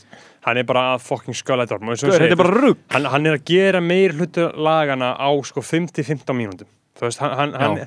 hann er bara eitthvað "Ah." hann er bara pouring out his feelings Já. í eitthvað fucking autotune box og, og hann syngur bara melodíunar það er eitthvað myndbandan hann tala um þetta sko sem hann byrjar bara eitthvað og síðan bara veginn tekur hann það upp og síðan bara setur hann textaðan inn og, og þarna byrjar hann í rauninni svolítið ferlið sitt sem bara musical CEO þarna er, þú veist, hvert einasta lag það eru svona 6-7 writerar í því. Já. og fyrir það þá var það alls ekki þannig hjá hann það var það bara hann og hann var mikið að spá út í Já. spá í öllu svona. Þú veist, þa- þarna í rauninni byrjar hann bara að vera með svona writer's room og vera með í rauninni og vera með eitthvað kamp í gangi Já. hjá sér, skilur við og það er svona svolítið nýjum kjánveg þá á hann eftir að halda áfram restina af ferli sínum, sko. Og, og sko 8 and 8 and Heartbreak um, á ógeðslega stóran þú veist, hluta hjá öllum og þú veist, þetta er náttúrulega örgulega most influential hip-hop album sem hefur einhvern veginn komið út en mér finnst það samt ekki þetta er ekki hip-hop. Nei, en ég er bara að segja, já. Já, ég, er bara að segja er rap, já, skilur já, já, en hérna, mér finnst það, þú veist mér finnst þetta samt ekki besta kanni Nei, plata. þetta er eiginlega minnst uppáhalds kann ég plata mín í sko. alveg, þetta er það sem ég hlusta mest á en, finnst, en, en, þetta er það sem ég En sæki skilur, mest ég, í ég já. virði, virði þessu plötu Já. mjög mikið já, sko. algjörlega og mér finnst það bara, þú veist þetta En það eru, það eru já. svona lög eins og hérna, Robocop Nei, Yeah, yeah. hérna ég elska Robocop og Paranoid já, já, og Paranoid og Já. hérna Lime Kid Curry Já. Heartbreak Hotel, heitir það ekki? Welcome to Heartbreak Wel- Welcome to Heartbreak Já. fyrirgefðu. Það eru ég er ekki að segja að þetta sé léli plata Nei, mér nei, er svo betri, mér er svo- alls ekki. mér er svo fyrir top 3 hjá mér skilur Já. en þú veist, mér finnst svo My Beautiful Dark Twisted Fantasy og Jesus, mér, finnst, þú veist Mhm. mér finnst það er alveg svona Sko- stærri Dark Fantasy er náttúrulega bara einn besta plata allra tíma Já, já. Þú erum að tala um það sko. Já, og ég fer ekkert af því sko. Nei, nei, nei, nei, nei, nei. Ég haggast en, ekkert. En, en mér, mér finnst allan að bara ég sem persónulegu neytandi og þunglindum bældum Já, kallmanni já, eða bara þunglindur maður sem er að afbæla sig Já, já, já. Ég fer alltaf í 808 Snartbreak þegar ég fer í Kanye og bara þú veist Já. það er bara sem ég sækist alltaf í aftur og aftur. Þú byrjar bara din, din, Já, din, og din, Gaur, Þetta er náttúrulega bara eitthvað fucking primal trumbuslátt Já, maður verður bara gýraður En er þetta og bara, bara amazing. Bara eitthvað af hverju, þú veist Þetta er bara eins og maður sé komin bara á Með Young sko, er smá, skríti líka Og það var, það, það á þessum tíma var geðvitt kommersial NBA-lag Manski Já, eftir þess að Jú, það er NBA It's leiknum. Amazing. Já. Bara Að þú veist, þetta er bara- Kópið takkur að þrista, skilur þraulað lag sko. Þetta er epísk Þetta er bara svo En þú- mikið gýrun En samt er hann bara eitthvað grátandi á öðru lagi Og maður svona, wow, shit, hvað er þessi gæja? Hann- er bara hann- allstað Hann fer sko úr Heartless yfir í Amazing og yfir í Love Lockdown. Hann bara peppar reyndar Þetta er alveg galin plata. Er Ég hlusta sem þetta ekkert eitthvað það mikið á hana. Ég lusta á hana með Láru Já, guður, það er því þið Ég lusta svolítið með hana, þú Já. veist, þeir eru um að keira eitthvað bara að setja með Láru En, en þú, þú hlustar líka á þetta þegar þú ert sko single og einmanna og þungur Já, einmitt, ég er náttúrulega búin að vera í sambandi allt með líf sko, Já, að- Já. Já, þú En, en, en eins og, þú veist, ok, og 8 og, og, þú veist, og 8 og 8, bassa, Mhm. þú veist, og þessi, þessi hljóðpæki 8 og Já. 8, er, þú veist, var ekki búið að vera að nota hann neitt fyrir þetta? Jú, jú, jú, bara Já. 8 og 8 uh, er í rauninni bara ef við förum í eitthvað svona nörda tæknilegt aspekt á þessu skilur þá er það trommuheili frá Róland sem trommu, er- trommu heili Þetta er trommuheili Trommuheili Trommuheili frá Róland sem heitir bara TR808 Það var náttúrulega 707 líka. Það var og- 707, 909, Og þetta er bara, 606 707 eru bara 10 hljóður eitthvað, sko. Þetta er allt bara tíu hljóð. Já, er það ekki? 1 og 1 líka. Já, einmitt. þetta, er bara, þetta er bara bassatromma sem að menn sem að, þú veist, það er hægt að stilla lengdina á hljóðunum, Já, skilur, þú veist, þú getur verið með hi-hat sem er lokaður eða opinn Mhm. og þú veist, þá getur stilt tjúnið eða lengdina á honum, skilur og þetta er bara bassatromman basically í TR808 hljó, hérna, trommaheilanum Já, sem þú lengir Já. þá bara skilur og getur tjúnað þá í rétt, rétt stillingu og þú veist það er bara grunnurinn að ógisla mörgu hiphopi, bara allt Memphis soundið er bara Já. 808 Já. skilur, mm -hmm. Mafia já, Já, allt, Allt það, veist, og síðan, síðan er 808 svona orðið uh, einhvern veginn heiti yfir basically bassa í hiphopi, skilur já. bara, já, basically sko. einmitt. Og þannig að það finnir sko tilviljun að sko það sem maður vissi ekki fyrir en eftir á að sko Ariakótið í Hawaii er 808 Aha, Já, Já. það. á þegar hann komið með titilin sko. Vissi, hann, fatta hann það eftir fattaði eftir á Já, þegar hann komið titilin og það var bara Destiny. Ok, já, En þú veist eins og hérna Love Lockdown, skilur, bara bassin í því, það Já. er bara 808 bassi, en skilur þú veist Love Lockdown er fucking Það er sko, epist það, eða, sko veist, það, það er bara Pældi að byrja að laga bara á Já. bara 808, Já. skilur, þú veist, bara hverjum í fokkunum þetta er þetta í hug? Gaur, og þú veist bara þessi, þessi trumbu sláttur sem er bara komið á sléttunar í vestur Afríku skilur, Já, bara á einhverjum já. ættbólki og það er bara einhver fokking það er bara einhver ættbólka höfðingi að fokking berja á einhverja trumblur og þú er bara trillast þannig það er tilfinningin sem er næ Þú veist, og líka vídjóin með öllum þessum lögum sko, vídjó Já. fyrir Heartless og teiknimynda Já. og allir þessi heimur sko, sem hann gerir með Cavs og líka vídeo fyrir Love Lockdown það er bara fucking epist en það sem að mér finnst eiginlega best við þetta best við hennan heim er stuttmyndin sem að uh, Spike Jones gerði. We, hann um we, we Were Once a Fairy Tale. Hefur mm. síðan hennari? Nei, ég ekki Þú, sko, Ára, þú, þú sást hann um daginn, já Hún ég, er er bara, það líka, ég er mikill Spike Jones maður og það hefur alltaf Já. verið sem fokkin mikill Jackass maður sko. já, og hann alltaf var bara leikstjóri þar sko. já, ég sko held að hann við- hafi stopnað með Jeff Tremaine Já, hann er, hann er EP, stofn- sko, hann, hann er stofnaði executive Jack- producer já. stopnaði Jackass sko. Við erum að tala um það að Spike Jones er mesti fucking kongur Já. sem hefur einhver tíman verið til. Við erum að tala um hann, hann hefur gert Með tónlistamindbönd fyrir Björk Já, já. og fyrir Biggie Smalls Já. og fyrir Kanye og hann hefur leikstýrt Jackass Já. og fullt af skatemyndum, Já. Chocolate og Girl-dótið Einmitt. og síðan gerir hann bara Being John Malkovich og síðan Já. gerir hann bara Her og vinnur Oscarin fyrir hana. Mhm. Skilur. wow maður, hvað er þessi gæði að trippa þú Já. veist hvað þetta verður maður svona, ég er bara áttum ekki á því sko. bara snillingur, bara mestari og hann og Kanye hafa alltaf verið geggjaði Já. A- ef það er einhverju svona gauðra sem vilja fara djúft í Kanye á sko graduation tímpilinu þá gerir Spike Jones svona Day in the Life with Kanye West gerði ekki Spike Jones eitthvað leikrit með Jonah Hill það sem að voru ekki símar lefðir og eitthvað svona dót. Jú, jú Passa jú, það ekki, eða? Jú, já, ég sá hann eitthvað er viðtal við nefnilega, og Jonah Hill. Jonah Hill er svo geggjað líka sko, og þú veist, þetta er einhvern svona pop, Spike Jones er bara einhvern veginn svona örugglega pop-icon í pop, Já, sérstaklega Pop í culture icon pop Já. culture icon í sérstaklega bransanum sko. Já, þú veist, já. það er ekki allir sem er að hlusta núna sem bara eitthvað, já, Spike. Nei, já. en Spike Jones, endilega, googli, googli En gerði Spike Lee ekkert fyrir Kanye, ja? Nei, ég held að ég held að þeir hafa aldrei Nei, Nei, ég ok. held ekki, eitthvað gert neitt sko. en þú veist, ég held að Hype Williams hafa Já, gert nokkur, Williams, no, já, já. nokkur Hann vídeo gerði- Hann gerði All of the Lights með þess Já, og Stronger, já, og örgla fleiri, sko. En sko, uh, það, hann gerir sem þessa stuttmynd, Spike Jones, við uppáhaldslæði mitt, sem að mér finnst, sko, See You In My Nightmares með Kanye og Lil Já. Wayne, sem að Já. mér finnst, sem að mér finnst, ei, ég, ég ætla eiginlega, ég sagði á hann að Can't Tell Me Nothing var uppáhalds Kanye læði mitt, en ég ætla eiginlega að setja, sko, See You In My Nightmares. Að þetta er bara kjarnar Karlmanns tilfinningar mínar, sko. Þetta er líka Hvern- svona hann er að tala um sko, þú veist, að, að treysta sko ekki eigin innsæðin alltaf að segja tell everybody that you know, skilur að það skipti meira máli að annað fólk viti en hvað þér finnst sko.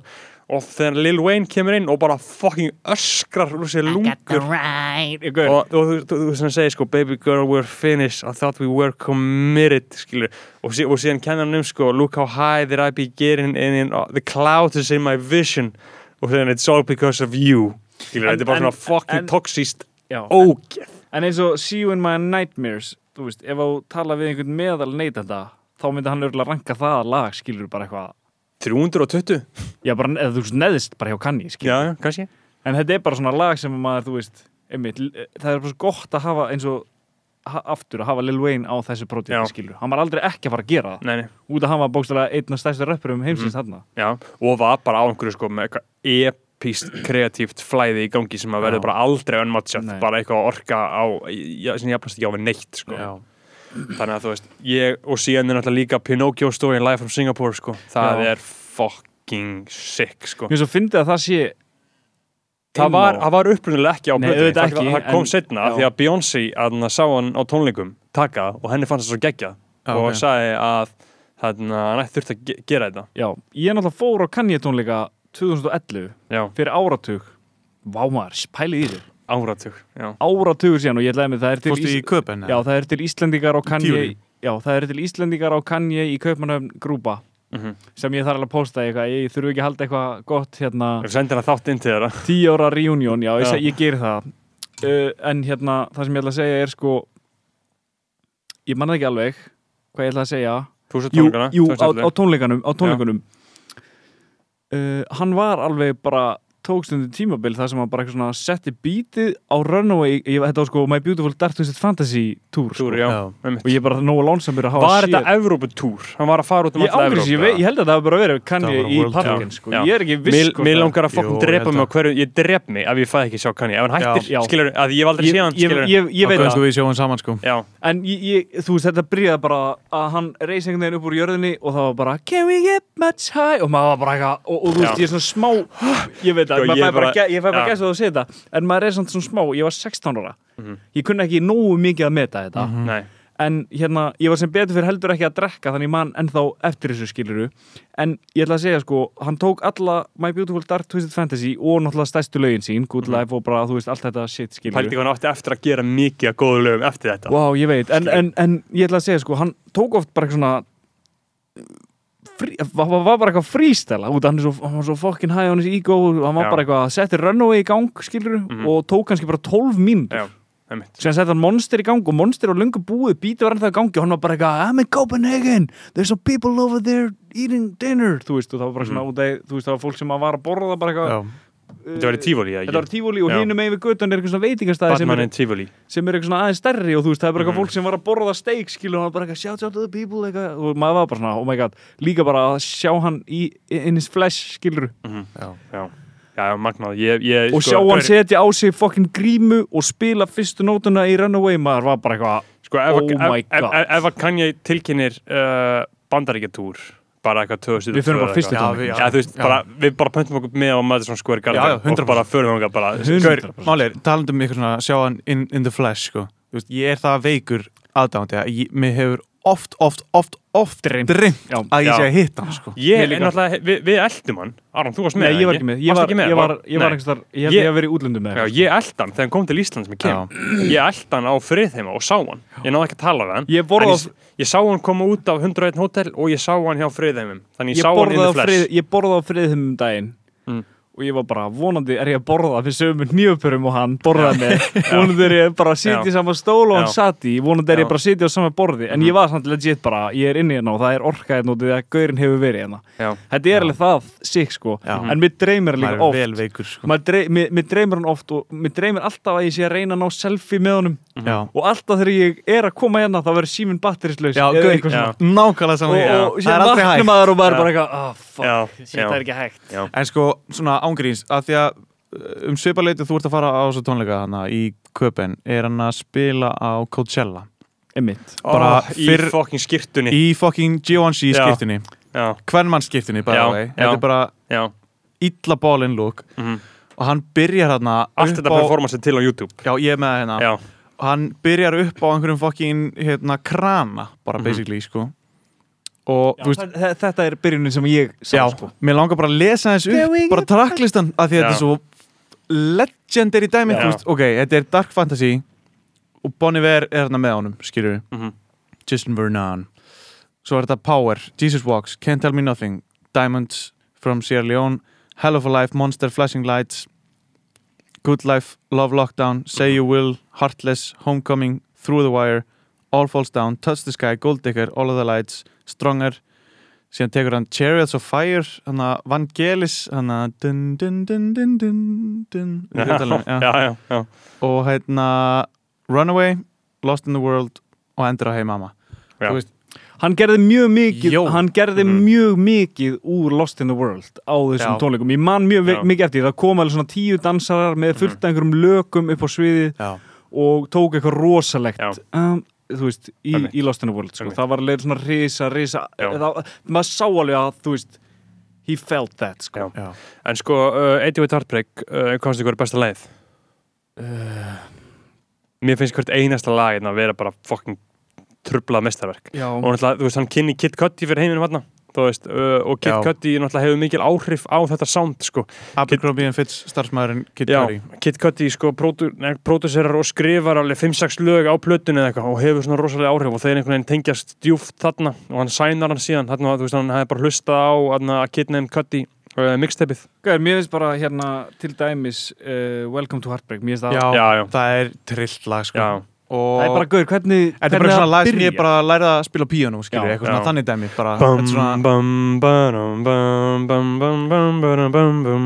Svo er náttúrulega Paranoid og Coldest Winter líka geðvitt, sko Gaur, þau lög bara eins og, þú veist, þetta Robocop og Paranoid og svona, þetta er svona svolítið lög ymmit síðan þegar maður var í hagaskóla, maður fílaði þau langt mest út og þau voru aðeins svona meiri poppuð einhvern veginn Já þú veist, og það var auðveldar einhvern veginn að syngja með þeim sko, Mhm. en svona e- eftir á þú veist, þá er eins og hérna húdilæð sé svona í góðu uppáldi og þetta er líka svo sterk byrjun á plöðu þó að þetta sé lagan með tvö þá er þetta samt einhvern veginn svona setið alveg í mútið sko Já. fyrir restina af plöðunni sko. Say You Will er náttúrulega líka alveg trillt lag Gæri sko, og líka bara, líka bara Pinocchio story sko, það sem hann segir there, there is no Louis Vuitton to put on. There is no YSL that they could sell to get my mind out of this hell. Já. and my mind out of this jail. Veist, þetta er bara svona, þú veist, það getur engin annar gert þetta, Nei. það getur engin annar. En sko, Eidur Harsberg kom út og hún var svolítið svívirt, eða þú veist Já, fólk var bara, fólk var bara- hvað kann ég að gera? Já, okkur, og- og- okkur, já. og Graduation hafði selt sko miljón fyrstu viku, 808 fór í 400 úst sko, þú veist og því hún var líka bara, hún var tekin upp á þrejum vikum sem kom úr út mánuðin En setna þetta er líka svona plata bara If You Know You Know, Hvað er þetta bara gísli Já. bálmi? Þið myndi kannski fatta þetta setna Já, Hann sagði þetta bara það, sko. 2011 sko. Já, já, og meiri sér sko máli er að ástæðan akkur kann ég þorði að gera þetta var út af því að hann, var, hann hitti Michael Jackson einhvern tímann. Mm. og leiðin um að heyra Good Life, hann alltaf samplaði Good Life PYT Já, já, og, og Michael Jackson sagði, ó, ég elska þegar þú syngur. I love when you sing that Kanye og Kanye sagði eitthvað, yeah, that creator master Michael Jackson, love the way I sing. En, en, en og, og, og síðan náttúrulega uh, fekk Michael Jackson að hlusta á plötuna. Hann náttúrulega deyr eina ári setna, hann deyr 2009 en dóttir hans sagði að Michael Jackson hafi bara alltaf verið að bumpa 101 Snarbeck, hafi bara elskað Já. Hafi bara fundið þetta bara episk plata. Af því hann bara þekkir í rauninni uh, snildina í þessu.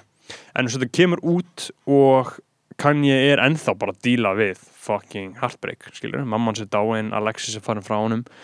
Hann er bara svolítið mjög sköllaður á því uh, Super umdildur út af því þú veist Það voru heldur ekkert allir að kveikja á því Þessi hérna Shutter Shades og allir þessi litir og allt Nei. þetta hérna superstar fyrir að vera einhver rappari þú veist þarna voru superstjörnur bara einhver þú veist með mitt fucking Green Day og Britney Spears Já, eitthvað skilur þa- þa- þarna er Kanye bara búin að samina þú veist, allt, hann er bara búin að gera pop hann er búin að fá bara Kavs og Takashi Murakami til að gera shit fyrir sig. Vinur Michael Jackson, bara komin í algjörlega upper echelon, bara orðin mega global popstjarna. Úst, hann er bara búin að ná öllum sínum markmiðum Já. and then some, já, skilur já, og, og þarna er hann og þarna Fimm be- árum eftir að hann var sko Nobody with braids já, að Já. pródúsera eitthvað Já. shit sko. og þarna byrjar hann með Amber Rose Wow maður já, hún er svo fucking mikil mestari sko. Gauður, er, er, er hún með einhverjum núna? eða? já, hún er með þarna AI, nei, en besta vinn Tæka Besta viðintæka já, besta vinn Tæka, AI for President held ég hann En hún á alveg börn með Wish Hún Khalifa börn með Wiz Khalifa, já, og kann ég sagði setna við hann I own your kids Shit sko það var ekki já. gott Já, hann á alveg svona stundum þar sem er bara, jú, bara, þetta er svolítið bara svona leiðilegt Mhm. Hann sagði samt Only one I got respect for is Wiz, ekki? jú, jú. Wiz Khalifa er samt sko, hann er ekkert venjulega vinsæll artisti sko nei, nei. Til að mynda er hann röglega með fleiri mánaðar hlustundur á Spotify en Kanye West sjálfur sko. Heldur það? Mm, Er hann ennþá, já, bara út af fucking hann að Fast and the Furious læginu Ég var hann að gefa þetta eitthvað fast sem fyrirslega kann ég með Nei, þrjá, hann var hann í 36 See you again hann miljónir að Nei, Var Wiz Khalifa er það? saman með 29 jú, see you again, jú, Hvað er Wiz Khalifa með? 29 miljónir Og hvað er Kanye með? 36, Já, ok, ok já það er alveg stigsmunur en samt uh, close enough sko. En 21 Savage 21 Savage uh, tjekka ég. 21 Savage er með 25. 25 Já, ok Já, en þú veist þetta, uh, platan kemur út og hún er svolítið svívirt, Kanye byrja með Amber Rose, cut the top off, call it Amber Rose þarna- eitthvað ruggla klippingu Setur á sig fokkin karriera gliru Já. Og í svartan leðurgalla Já, og Og fyrir að drekka eins og Já, brjálaðingur fyrir að drekka svo brálaðingur á VMAs og fer upp á svið þar svífirir Taylor Swift made that bitch famous eins og hann sagði sjálfur. Og No cap? Já, já, það er, það er alveg satt. Og trillist yfir því að Beyoncé hafi ekki unnið uh, fyrir myndband ársins. Já, fyrir myndband ársins. Sem að er svolítið fyndið að þetta var í flokknum sko female video og síðan vann Beyoncé í bara video skilur, þannig að hún, hún, vann alltaf hvað sem er sko. En þú veist, hann fór hann upp á svið og svífir til hana og mér var svo gott sko. Og síðan bara var hann bara fucking hataður, hann var bara svífirtur og hataður og kallaður hálfviti og bara ógeð og óbeldismæður Hann var bara út af því, út af því Já, að það var tekið sko. litlu bandarísku grútlegu stelpuna, hvítu bandarísku Já, the já. pi- picture perfect singer American girl Já. og hún var tekin af einhverjum þú Blue veist, collar white girl já, og hún var tekin af Kanye svarta Mhm. gurnu sem var búin að segja George Bush hataði svart fólk Já. og var búin að vera með Shutter Shades og hann var bara á einni nóttu var hann orðin mest hataði listamæður bandaríkjana Já. á einu kvöldi náði hann að láta vilina fæja sig Já. svo mikið að Já. allir í bandaríkjunum Já. höfðu hann Já. meiri þess að bara Kanye Stans Já, og þú veist, Obama sagði hann var a jackass já, bara Já. þú veist þarna I was, the, abomination of Obama's nation Gaur, þú veist, og þarna ekki Obama einhvern tímann bara eitthvað um hann bara eitthvað what an asshole Jú, that jú, guy bara jackass. Jackass, hann jackass, Jackass. jackass, og hann var hann stríðsglæpamaður. fórsetið þarna, Já. skilur en, en þú veist, að þið pælið í þessu þú veist, og þarna var kansilað uh, 808 in Heartbreak túrnum Já, með Lady Gaga, Lady Gaga, Já. pæl, pæli fucking Lady Gaga fuck her maður Kanselaði hún eða? Já. ég held að já, Já. og, og hann bara líka hann var heldur held ég ekki bara nógu stable til þess að halda Nei, nei En það var ekkert aðan mann, hann var bara fullur eitt kvöld Já. Hann var ekki svona unstable eins og pappa Nei, hann en, var en, ekki orðin en, geðugur en síðan, síðan ángríns, þú veist, og núna munu hvað, er ekki Logi og Jói að fara að taka við það? Jú, Þeir eru að fara að taka við núna bara að, að sko, veist, það sem hann fer basically bara í lokk, þú veist, hann bara umheimurinn Já. sér ekkert af Kanye West hann í er, tvö ár. hann er basically Já. cancelled. Já, en það á þessum tíma, Já. Hann er pre-social media cancelled.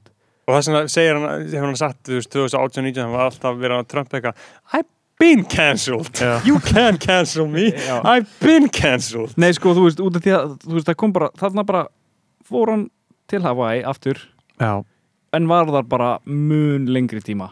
Mhm. Bara tvö ár, eða þú veist, e- eða þú veist, eitthvað svona, skilur Já, fór bara í eitthvað rugg skilur Já. Þurfti allir að vera í jakkafutum í stúdíónu en, og en eitthvað svona rugg þarna, þarna var komið shit eng- englar alveg leikir, sko. Gaur, þarna var bara komið shit og varst með MacBook, skilur Já. þú varst alveg með Já, já. good shit, internet, MacBook, þú varst með YouTube þú varst bara með hérna Með iTunes Twitter. bara þú varst með Twitter, þú varst á Twitter þú gættur á MySpace, Já. nánast verið á Þú Facebook varst á Facebook, já já, þú varst á Facebook, skilur og Mhm. hérna þú veist, hann er, hann er dett inn í þú veist, þetta var ekki jafn mikið floppy disk kjaftaði, skilur Nei. og þetta er bara, Já. þú veist hann, eins og bara eins og All of the Lights, skilur Mhm. við erum að fara aðeins Já, fram á okkur núna en í- þú veist, í- það eru sko í, í rauninni líkur sögu okkar svona Já. hér það er svona, ég meina bara að loka spurningi minna, uh, eru þið, þú veist, hvað ykkur bestu kanniblutunar? Top 5? top 5 Já. Sko, við verðum að setja My Beautiful Dark Twi- Twisted Fantasy númer númer eitt. Númer eitt. Númer eitt, Ok. já. sko, ok, Tvö. replay value á ægur, það er bara rosalega erfitt að mér, mér, Þetta er mér, bara- finn, mér þetta er finnst bara- að maður eigi að tólka þetta bara hvað hlustar á oftast Já, þetta er leitar bara svona mest matdómnendar þarf ekki að My endur spekla Beautiful, my sko. beautiful. Dark Twisted Fantasy uh, Graduation. Ég, set Jís, og má ég byrja? Já, ég Já. byrja? já, Ég set My Beautiful Dark Twisted Fantasy Mhm. Jesus síðan set ég The Life of Pablo Mhm. síðan myndi ég setja sennilega Graduation og síðan bara eitthvað, þú Já. veist bara hvað ég, ég, Allt er í eitt svona fílu, svolítið jæmt Já, þú veist, ég, er- ég, ég, ég set ekki ég í gang Mér finnst ég, vera síst Reyndar, Já. fyrsta lagi finnst mér vera eitt besta kannilega all tíma Hvað er fyrsta 2 lagið? Today I thought about killing you. Já, já. Það er sko þú veist, bara ég, ég, ég, mér finnst Ég veit ekki eins og hvað er fyrsta lagið ég, hef Já, gaman, ég hef gaman af ég ég hef ógæslega gaman af Jesus is King. Já, Já, ég hef alveg gaman af College Dropout skiluru mhm. Og, og einhverju svona collab-album eins og þú veist hérna What's a Throne Cruel Summer, sko. What's a Throne reyndar Já. hún fer bara Já. nummer, hún fer bara nummer fjögur og þú veist það sem Já. er nummer fjögur og fimm skilur What's a Throne er líka geðvik og að fá hann inn á Spotify núna er smá steikt sko Cruel Summer er samt ekkert eðlilega góð Cruel sko. Summer er skemmtileg Já, reyndar langt tjekka Hún er sko. ógeðslega góð, það er ógeðslega mikið af fucking feskum pælingum líka Já, bara, þú Don't veist. Like og Mercy Travis Scott er þar með Já, fyrsta Sin City já. Já, Sin City og Bliss með John Legend og Tiana Já. Taylor er og R. geðveitt líka. Kelly-læð Já, Nei, ok To the world, to the Já, world það er enda gott sko, gott sko þú veist, ég meina, við veitum allir það að R. Kelly er Já, já. Herru, talandi um R. Kelly, ég datt hann á rúfum daginn, ég held að ég var að detta inn í einhver, einhverju eina heimildamind um hvað hann væri mikill ennari sko Mhm. þá var þetta bara sex þátt að Já, serja Surviving R. Kelly Já, bara sex þátt Mhm. að serja og Sjúkt. einn og hálfur klukkutími hver þáttur sko.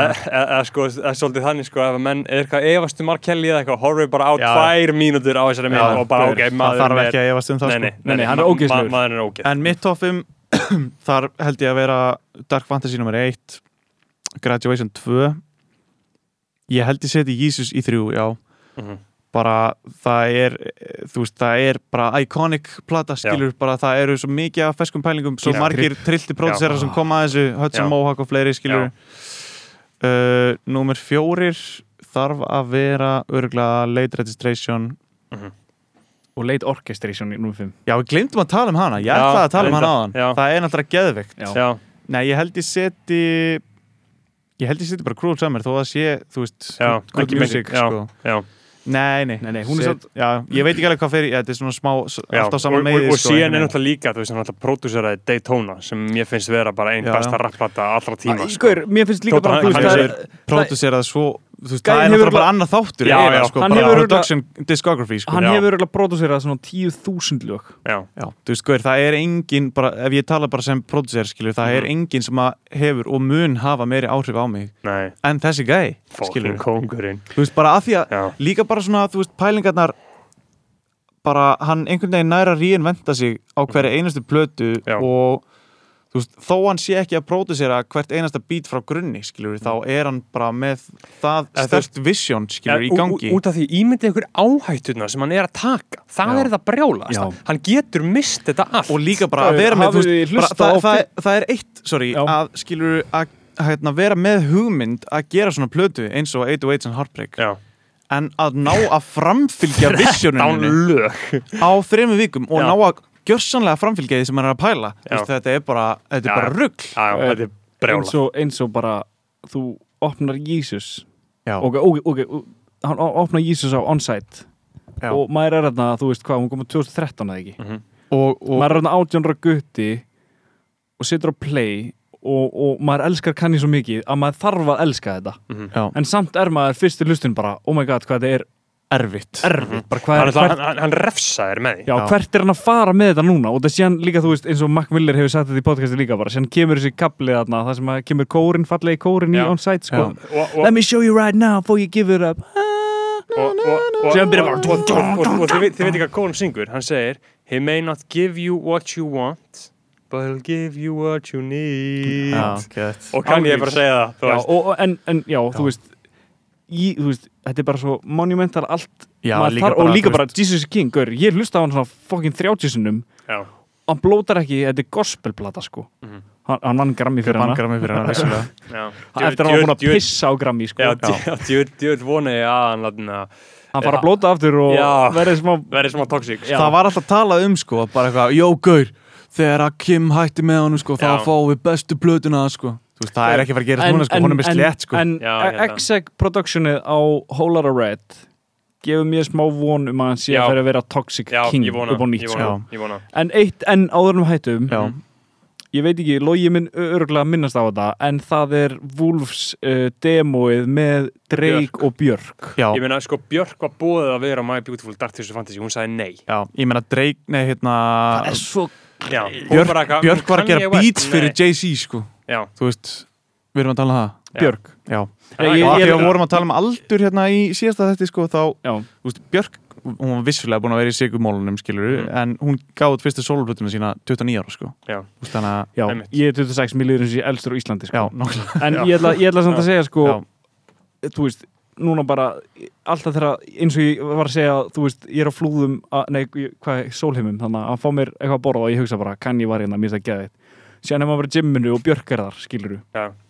og maður er bara, oh my god, hún hefur líka hitt kann ég, Já, greinilega einhvern tíman bóttjött potið og hún var bara á eitthvað track og mér var bara, ei átti ekki, átti ekki bælinn eða? Já. átti ekki Wolves með þér og Drake? Já.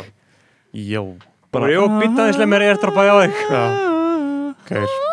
Já, en þú veist, eins og Jesus bara, þú veist, svo hérna, slúttum við sig einhvern veginn eð, sko, við gætum náttúrulega tekið alla fjóra þættina og bara- meira sko. já, Já, en some en sko, þú veist, með Jesus bara, þú veist hann var í einhverjum svona pælingum með eitthvað, veist, að struktúra lögin eftir arkitektúr sem inspiraði hann, þú veist, bara Mhm. eitthvað, jó hvað ertu að drekka, skilur Já, hvað, já. hvaða báðvatn ert þú að drekka, skilur og líka eitthvað svona konspirasíðnur um, um sko að hann hafi verið að upplefa sér sem Pablo Picasso alla sína æfi þegar hann gáði einmitt. Life of Pablo og að öll listin hans í gegnum öll artworkin og öll lögin hans væri eitthvað svona í gegnum einhverju svona surrealisma í abstrakt og bla bla bla. Hvað átti svo plata aftur að heita? um, Swish Swish, já, og, einmitt. og So Help Me God. Já, einmitt. Já, En hún að það var náttúrulega þegar hann gáði út All Day þá var það Já. nafni, so en, help me God. en The Life of Pablo var líka þú veist fyrsta platan sem að var breytt á, veist, á streymisveitum eftir hún var gefin út sko. Og er það ekki rétt sem er að þú veist hann var super late að gefa Að hann breyt- út sko. uh, já, Jú, hann og, og, og, og artworkið var bara rissað upp held ég Já, sko bara á bara einni mínútu sko. Já, Which já. one, já, hana. Þannig stendur á, appelsinu gula já, stendur á bara en, en, hérna, en sko a, a, a, eins og þetta sé bara eitthvað draft skilu, það stendur bara which one já. á coverinu Á- á skilur. coverinu, já. já, þetta var svona svo, hann var, ég held að hann hafi verið bara fokk ég er neglum blötu, bara ég er ekki búin að gera í, hérna þrjú ára skilur já. já. en sko við erum að ljúka uh, Kanye núna fyrir hlutunum og eins og við tölum um í byrjun þáttar þá er náttúrulega búið að uh, annánsa einhvern Netflix díl sem að sko John. John Monopoly sem var managerinn hans Kanye bara- held ég að heita bara- John Monopoly. Já, já, það, Jón Einókun það, það er auðvitað bara eitthvað hip-hop nafn sko, pottet. Ok. en þarna, hann er frá Chicago og hann þarna, er að prodúsera þessa mynd. Og ég vona bara svo mikið af því að mér langar ekki í mynd eins og um Biggie Smalls Nei, myndin mér langar ekki í mynd bara um Kanye West. En mér langar í mynd um Graduation. En mér langar í mynd um 808 Snarpeg af því að þessi svona stóru myndir Gauður, þetta fara það í svo vera lítið 20 smáadri þættir sko. 20 Já. klukkutíma þættir sko. Já, ég, ég hvað erum við búin að tala um? í þrjá klukkutíma? Já, svona þrjá klukkutíma Já, við gætum fara í nýju enn sko. Já, og við erum þrýr þraular sem að, þú veist, höfum bara hlustað á Kanye og bara elskum Kanye, skilur Mm. Þetta er eitthvað krú, skilur bara munum aldrei tala við hann á æfinni skilur Nei, veist. hvernig ætla þau að gera Guð, pæli, ég þekki konu sem var í Chicago og var í liftu með Kanye West. Ég veit ekki hvað ég myndi fókin gera, sko. Nei, En hún, seg, hún tók upp síman og sagði Can you say hi Helga and hi Joey? Og hann gerði það. Mhm. Það var bara til myndbönd að þessu skilur ég, myndi, Já. ég myndi ekki þóra byggja mynd sko. Ég væri Nei. bara, ég, ég, ég myndi bara segja ég myndi segja bara praise to the most high sko. Bara, thank you. Þú veist, bara, ég, ég samt, veist, maður er eiginlega bara að undirbúa sig út af því að ég veit að ég mun hitta gaur einhvern já, tímann. ég veit Bara að ég mun hitta að- hennar gaur sko. já, eitt dag einn daginn mun ég hitta hennar mann og ég verð búin að undirbúa hvað ég gerir sko. Og ég er ekki bara að hendi ykkur selfie eða eitthvað. Ég vil bara, ég bara, þú veist one day, þá er maður að fara að hitta hennar gaur Já. sama hvað. Glad- Herru, ég held að við segjum þetta gott og við eh, höldum leið okkar á djamið já, svo, því miður. svo Já, víst þótt að það væri gaman að halda áfram. Já, maður. En kæri hlustendur, tjekkja á Patreon uh, þáttu þrjú, þáttu fjögur á leiðinni fucking epicin. Við takk fyrir mig, rúllum geitin þetta sjálf. takk fyrir að fá okkur, þetta var ekkert eðla gaman. Já, takk hérna fyrir komin, þetta var epist að hafa ykkur Takk, pús hver að bakið um að sé bróðir